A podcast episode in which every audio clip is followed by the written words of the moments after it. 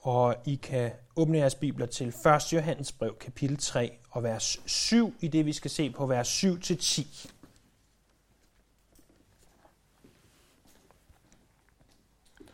Her står der, Kære børn, lad ingen føre jer vild. Den, der gør retfærdigheden, er retfærdig, ligesom at han er retfærdig. Den, der gør synden, er djævlen, for djævlen har syndet fra begyndelsen. Derfor blev Guds søn åbenbaret, for at tilindegøre intet djævelens gerninger. En hver, som er født af Gud, gør ikke synd.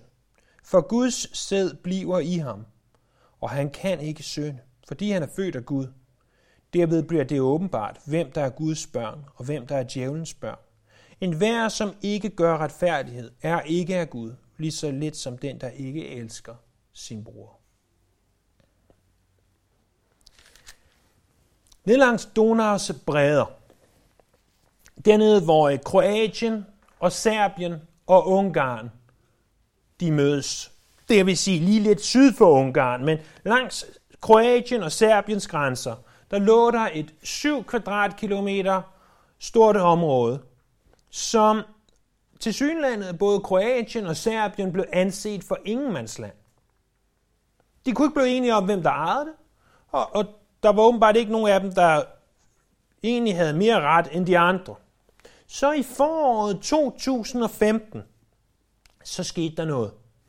Der var en øh, liberalistisk tjekke med navn Vid Jedlicha, øh, eller noget af den stil, som udråber det her område som den frie nation Liberland. Man finder mange sjove ting på Wikipedia, blandt andet det her. Øhm, det er blevet verdens tredje mindste mikronation. Landet har nu sin egen hjemmeside, liberland.net, hvis nogen skulle være interesseret. Ikke at I skal se på det nu, men I kan se på det i eftermiddag. Det har sin egen præsident, det er naturligvis hvidt selv, og det har som også sin egen forfatning, den er ganske overkommelig, den fylder måske to af fire sider. Og øh, hvis du søger om det, og ikke er tidligere straffet og ikke er tidligere kommunist, øh, eller noget i den stil, øh, jamen så kan du endda muligvis blive statsborger i den her nye nation. Øh, du skal dog ikke få dine forhåbninger alt for højt op, fordi øh, det kan være ganske svært at få lov til at slå dig ned i den her lille nye Lilliput-nation, eftersom den er omgivet af Kroatien på den ene side, Donaus bredder og Serbien på den anden. Øh, da de første statsborgere kommer til for at øh, forsøge at deltage i en indsværgelsesceremoni, øh, så blev de stoppet af de kroatiske og de serbiske, både på den kroatiske side og den serbiske side, de kunne ikke komme ind, og de måtte indsværges et andet sted end deres eget nye hjemland. Øh, ja, det er jo næsten lidt humoristisk. Det er, nogen mener, at det, det blot er et, øh, et mediestunt simpelthen. Men den her lille, synes jeg, humoristiske historie fra virkeligheden, den fortæller os en ting.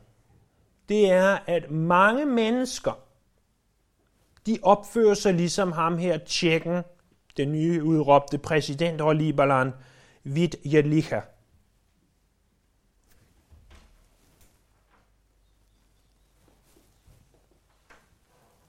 De lever i et åndeligt ingenmandsland.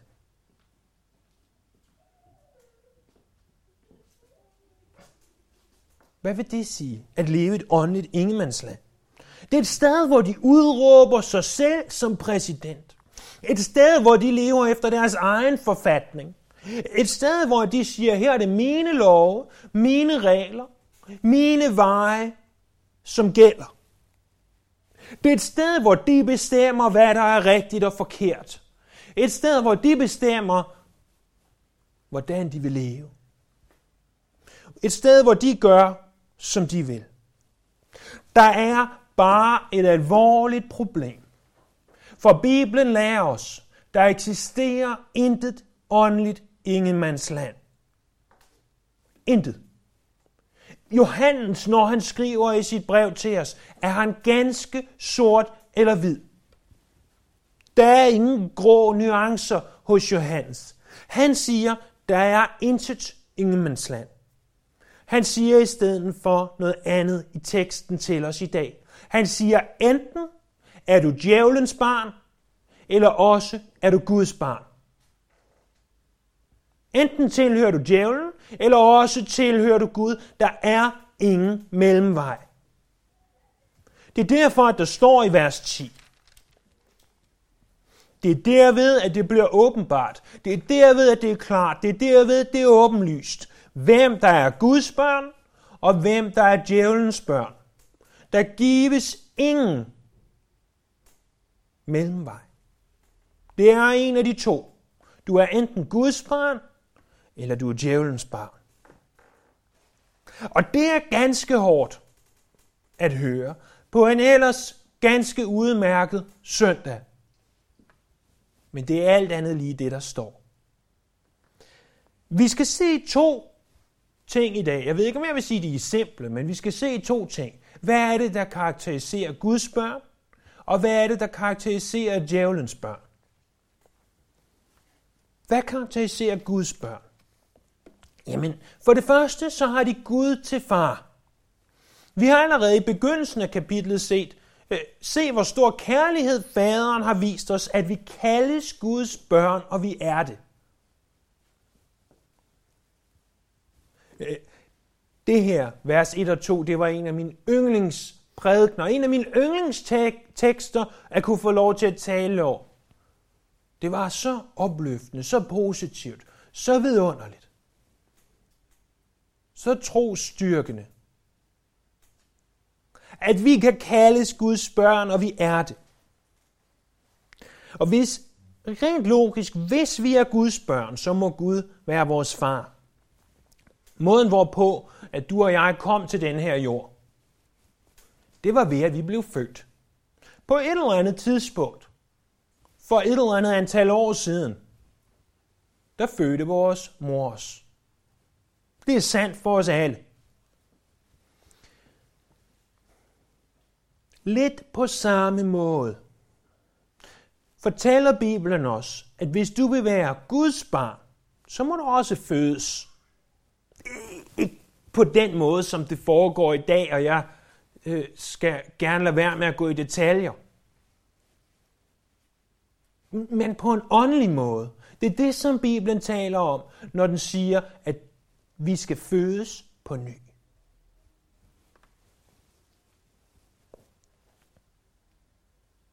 Set fra din og min synsvinkel, så bliver vi frelst ved, at vi tror på Jesus, vi tror på hans opstandelse, og vi bekender Jesus som Herre. Men set fra Guds perspektiv, så bliver vi frelst ved, at han føder os på ny. At han ved ånden tager bolig i os.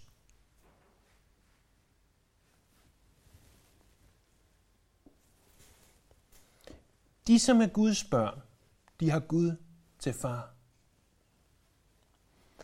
De, som er Guds børn for det andet, de gør retfærdigheden. Guds børn lever et retfærdigt liv. Prøv at se, hvad der står der i vers 7. Kære børn, lad ingen føre jer vild. Den, der gør retfærdigheden, er retfærdig, ligesom han er retfærdig. At leve et retfærdigt liv betyder, at vores livsstil svarer til det, som Gud han ønsker. At du og jeg har et ønske om at leve efter, hvad Bibelen siger. Og jeg kan godt fortælle dig en ting. Det er ikke noget, som du og jeg kan gøre i os selv. Jeg kunne godt sige, at i morgen, når jeg vågner op, så skal jeg leve et retfærdigt liv hele dagen. Det er kun lige til, at jeg kommer ned og ser, at børnene har tegnet på væggen og hældt mel ud over det hele og alt muligt andet, så er det ikke sikkert, at jeg vil leve et retfærdigt liv længere. Så kan det godt være, at jeg hisser mig op på en måde, som jeg ikke burde hisse mig op. Eller indtil jeg sætter mig ud i min bil og ser, at nogen har kørt nøglen hen ad den, eller hvad der nu måtte være sket. Mm, så er det ikke så nemt at leve et retfærdigt liv længere. For det kan jeg ikke i mig selv. Men i det, at Gud tager bolig i mig, og jeg lader ham gøre det, så kan han hjælpe os til at leve det her retfærdige liv. Hjælpe os til, at vi gør de ting, som han ønsker. Hvorfor? Fordi vi er kommet i familie med en, som er helt igennem retfærdig. Vi er Guds børn. Vi er hans adopterede sønner.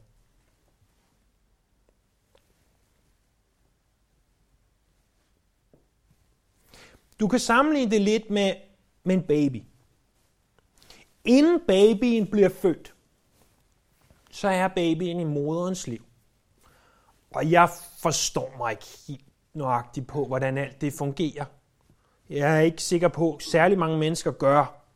Men det er noget med, at man er derinde, og man vokser, og der er vand, og der er alt muligt, jeg ikke kunne forestille mig at leve i i dag. Hvis nogen proppede mig ned i sådan en, en tank, hvor jeg skulle ligge som om, at jeg var en baby, det, det ville bare være mærkeligt. Og øh, hvis jeg så ud af den der vandtank bliver født ud og kommer ud igen, og ej, jeg kan slet ikke puha. Men i det, at barnet bliver født, faktisk i det ganske øjeblik nærmest, at det bliver født, så kommer det ud, og det begynder at skrige, og ganske kort efter begynder det at spise langt hen ad vejen, som du og jeg spiser. Det er ganske fascinerende. Ganske få øjeblikke efter, at det er kommet ud, så stopper det med at få mad igennem navlestrengen og begynder i stedet for at spise af moderens bryst. Tænk på, hvor, hvor utroligt det er. Det har ligget derinde i, i op imod ni måneder.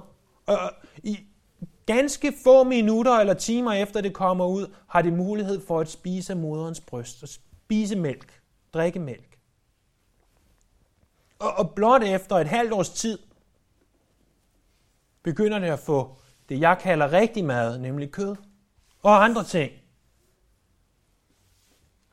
Er det ikke fascinerende på så ganske kort tid, øh, kan en baby ændre sig fra at ligge inde i maven i noget, som er umuligt nærmest for os at forestille os, at, at leve i, i de, under de forhold, til at komme ud og blive ligesom dig og mig. Det er fordi, der sker en ændring. Det er fordi, barnet bliver født. Ligesom at når du bliver født på ny, så sker der en ændring. Du går fra et rige, djævelens rige, til et andet rige, Guds rige. Og det betyder, at der sker ændringer, ligesom at den, det ufødte barn kan forskellige ting inde i maven, så kan det fødte barn forskellige ting uden for maven. Så for det første så er Guds børn de, der har Gud til far. For det andet så er Guds børn de, der gør retfærdighed. Og for det tredje så er Guds børn de, der ikke lever i synd. Prøv at se vers 9. En hver, som er født af Gud, gør ikke synd. Guds sæd bliver i ham, og han kan ikke synde, fordi han er født af Gud. Jeg er ikke god til håndsoprækninger, og lad os endelig lade være med det i dag. Hvis du læste det her vers uden for kontekst, uden for sammenhængen, og sagde, okay, hvis standarden for, om jeg er Guds barn eller ej, er, at jeg ikke gør synd, det er, at jeg ikke kan synde. Så hvor mange af jer, lad nu endelig være med at række hånden op, men hvor mange af jer vil så sige, baseret på det her, læst uden for kontekst, at du var og er Guds barn. Hvis du siger, at Guds børn kan ikke synde, det er lidt ligesom i Ludvig Holbergs Erasmus Montanus, som vi blev tvunget til at læse i gymnasiet, hvor at Erasmus Montanus har gået på universitetet og er blevet ganske klog og ændret sit navn fra Rasmus Bav til Erasmus Montanus, så det lyder mere sådan lært. Og så siger han, en sten kan ikke flyve. Mor Lille kan ikke flyve. Ergo er mor Lille en sten. Og da mor Lille så begynder at græde, og så, åh, jeg vil ikke være en sten, og jeg er en sten, så siger han, jamen en sten kan ikke tale. Mor Lille kan tale, ergo er mor Lille ikke en sten. Det var, hans, det var den logik, han havde lært på universitetet, og den er jo ganske morsom. Men mennesker, der siger, at kristne ikke kan synde, de bruger samme form for logik. De læser det her vers, der står, at kristne kan ikke synde. Ergo, hvis du synder, er du ikke en kristen. Men det her, når du ikke læser Bibelen i sin sammenhæng. For tilbage i det første kapitel, vers 8, prøv en gang at se, hvad der står. Hvis vi siger, at vi ikke har synd, fører vi os selv på vildspor, og sandheden er ikke i os. Hvis du går omkring som kristen og siger, jeg er syndfri, så lyver du. Og lyve, det er en synd, om du ikke måtte vide det. Og du er en synder. Det, som Johannes han mener her i kapitel 3, vers 9, det er, at den kristne lever ikke kontinuerligt i synd. Vi ser det her relativt tydeligt ud fra den græske grammatik.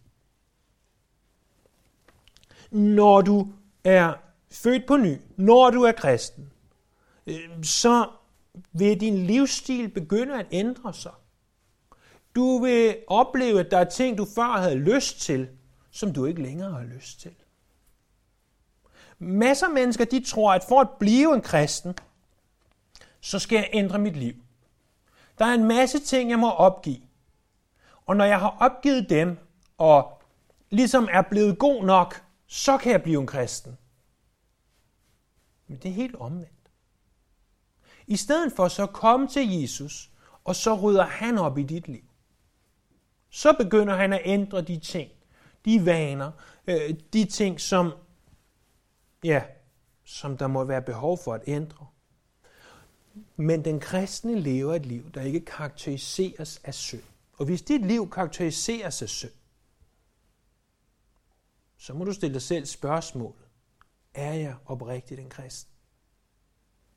Hvis du kontinuerligt lever i synd, og siger, jeg vil ikke bekende min synd, jeg vil ikke opgive det og det og det. Jeg vil have lov til at gøre sådan.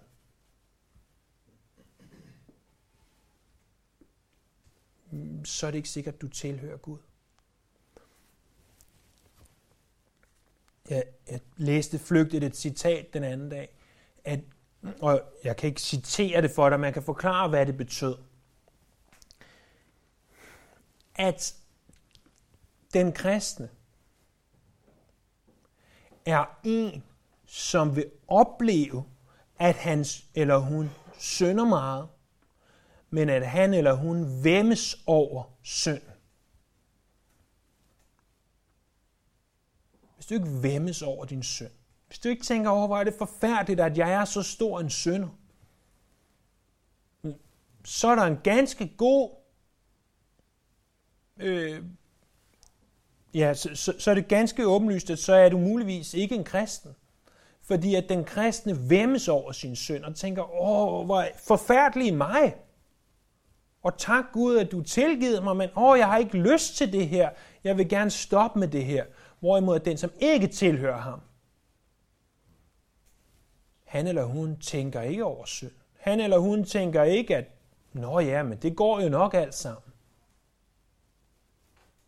Men den kristne gør ikke synd, for Guds sæd bliver i ham. Og det taler formodentlig om Helligånden. Og han kan ikke synde, fordi han er født af Gud. Vi kan ikke leve i kontinuerligt synd. I kontinuerlig synd. Vi ser altså, at den, som er Guds barn, har Gud til far, at den, som er Guds barn, gør retfærdighed, og den, som er Guds barn, lever ikke i synd.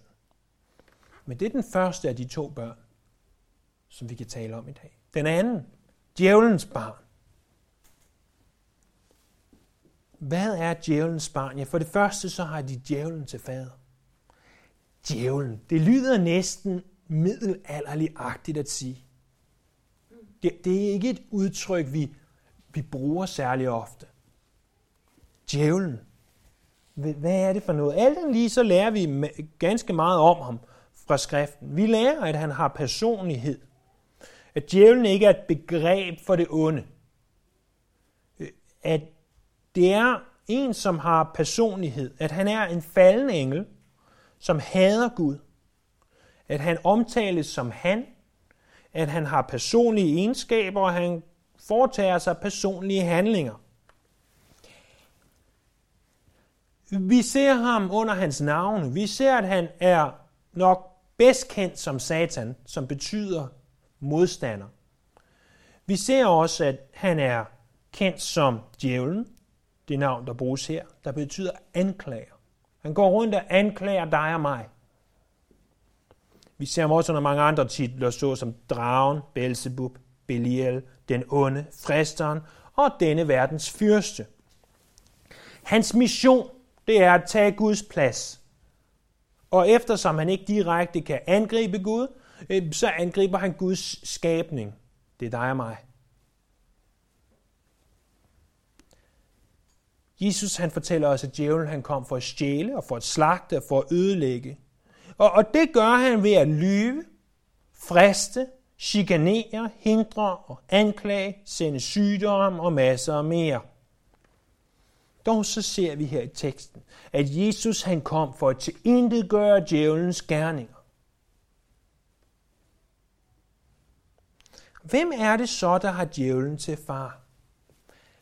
I Johannes kapitel 8, vers 44, der kommer farisæerne til Jesus, og de siger, vi har Abraham til far.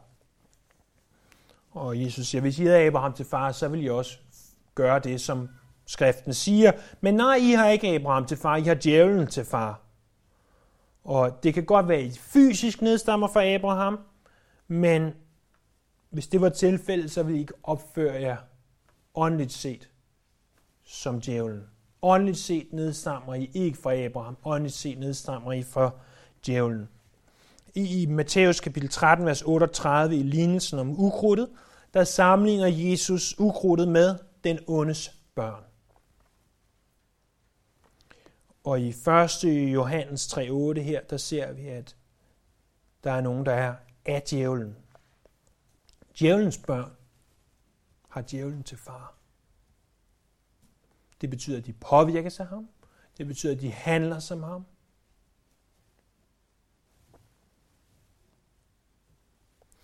For det andet, så gør djævelens børn ikke retfærdighed. Så at Guds børn, de lever i retfærdighed. De har et ønske om at gøre, hvad der er ret, hvad der er rigtigt.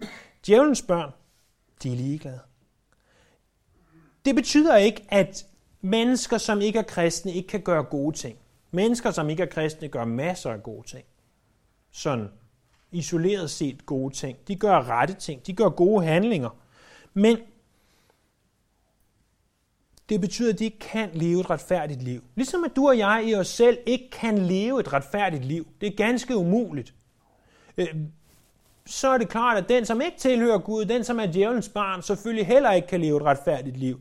Fordi at ingen af os kan leve op til det, som Bibelen kalder os til. Uanset hvor god du måtte prøve at være, kan du ikke leve op til det. Det kræver, at Gud bor i os. Og selv der ser vi, at i os selv, i os som mennesker, er det ganske umuligt. Men de, som er djævelens børn, de er ganske ligeglade med, hvad Bibelen kræver af os. De har nemlig ingen interesse i Guds rige. Djævelens børn, de er ikke retfærdige. Og for det tredje, så er djævelens børn de, som lever i synd. Jeg siger ikke, at de synder hele tiden, men jeg siger, at de lever i synd. Det er i deres DNA. De er ikke født på ny. De lever fortsat med det, at de, de kan simpelthen ikke lade være med at synde. De ikke bare lever i synd, de glæder sig over synd. De synes, det er en fornøjelse. Den kristne vemmes, når han eller hun synder. Men den, der er djævelens barn, er ligeglad. Det har ingen praktisk betydning for ham.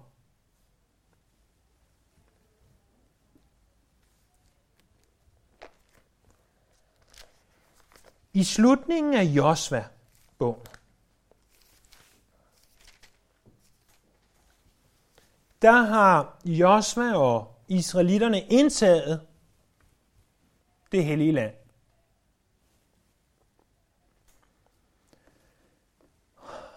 Og så ser Josva, at folket er begyndt at tilbede afguder. og alle andre guder end den levende Gud, det er tilbedelse af djævlen. Og Josve, han kalder dem så til at tage et standpunkt. Han kalder dem til i Josva kapitel 24, vers 15. Hvis det er jer imod at dyrke Herren, så vælg i dag, om I vil dyrke de guder, jeres fædre dyrkede på den anden side af floden, eller amoritternes guder, i hvis land I bor. Han siger til dem, i må vælge.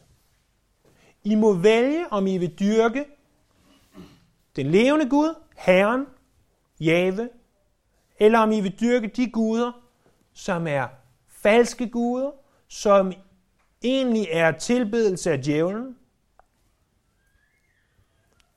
Vælg nu, og Josva siger så, de så berømte ord. Jeg og mit hus, vi vil tjene Herren. Han stiller dem over for et valg. Han siger, vil du være Guds barn? Eller vil du være djævelens barn? Vil du tilhøre Gud? Eller vil du tilhøre djævlen? Du bliver nødt til at vælge, kære Israelit. Du må tage et valg. At ikke tage et valg, er også at tage et valg. Ikke at tage et valg betyder, at du forbliver djævelens barn. Du bliver nødt til at vælge, siger Josva til dem. Vil du være Guds barn? Vil du tilbede Herren, eller vil du tilbede de fremmede guder? Og Josva siger, jeg ved godt, hvad jeg vil. Jeg vil være Guds barn. Jeg vil tjene Herren. Koste, hvad det koste vil. Ham og ham alene vil jeg tjene. Og du og jeg, vi står foran det samme valg.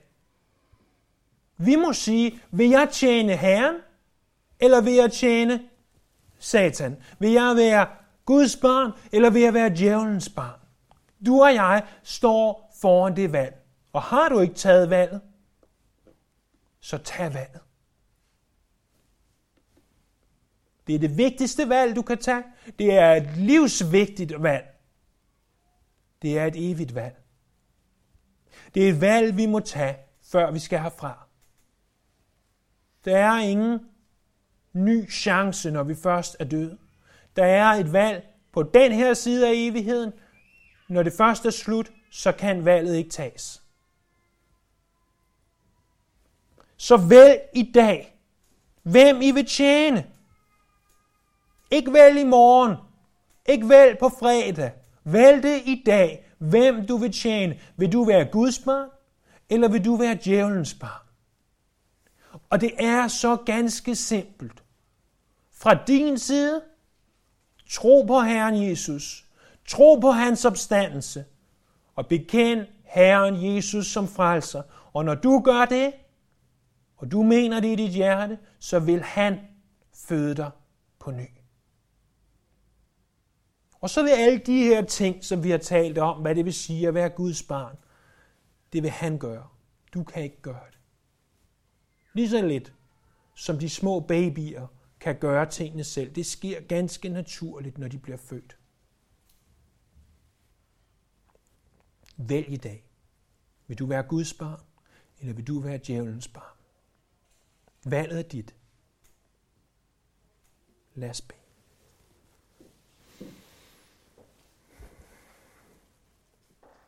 Her nogle gange så i vores kød vil vi ønske, at du ikke gjorde det så sort eller hvidt.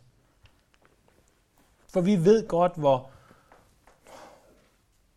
hvor grænseoverskridende det er at, at tænke på, at der er kun de her to kategorier. Dit barn eller djævelens barn. Og alligevel så gør du det jo også nemt for os. For vi ved, hvor vi er. Vi ved, hvad der er mulighederne. Der er ikke en ocean af muligheder, men der er to muligheder.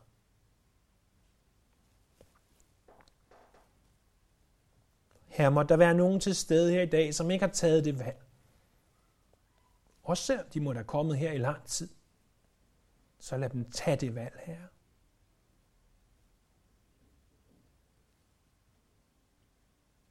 Lad os vælge, at vi tjener dig. den levende Gud. Tilbeder dig, vi ærer dig, og vi priser dig.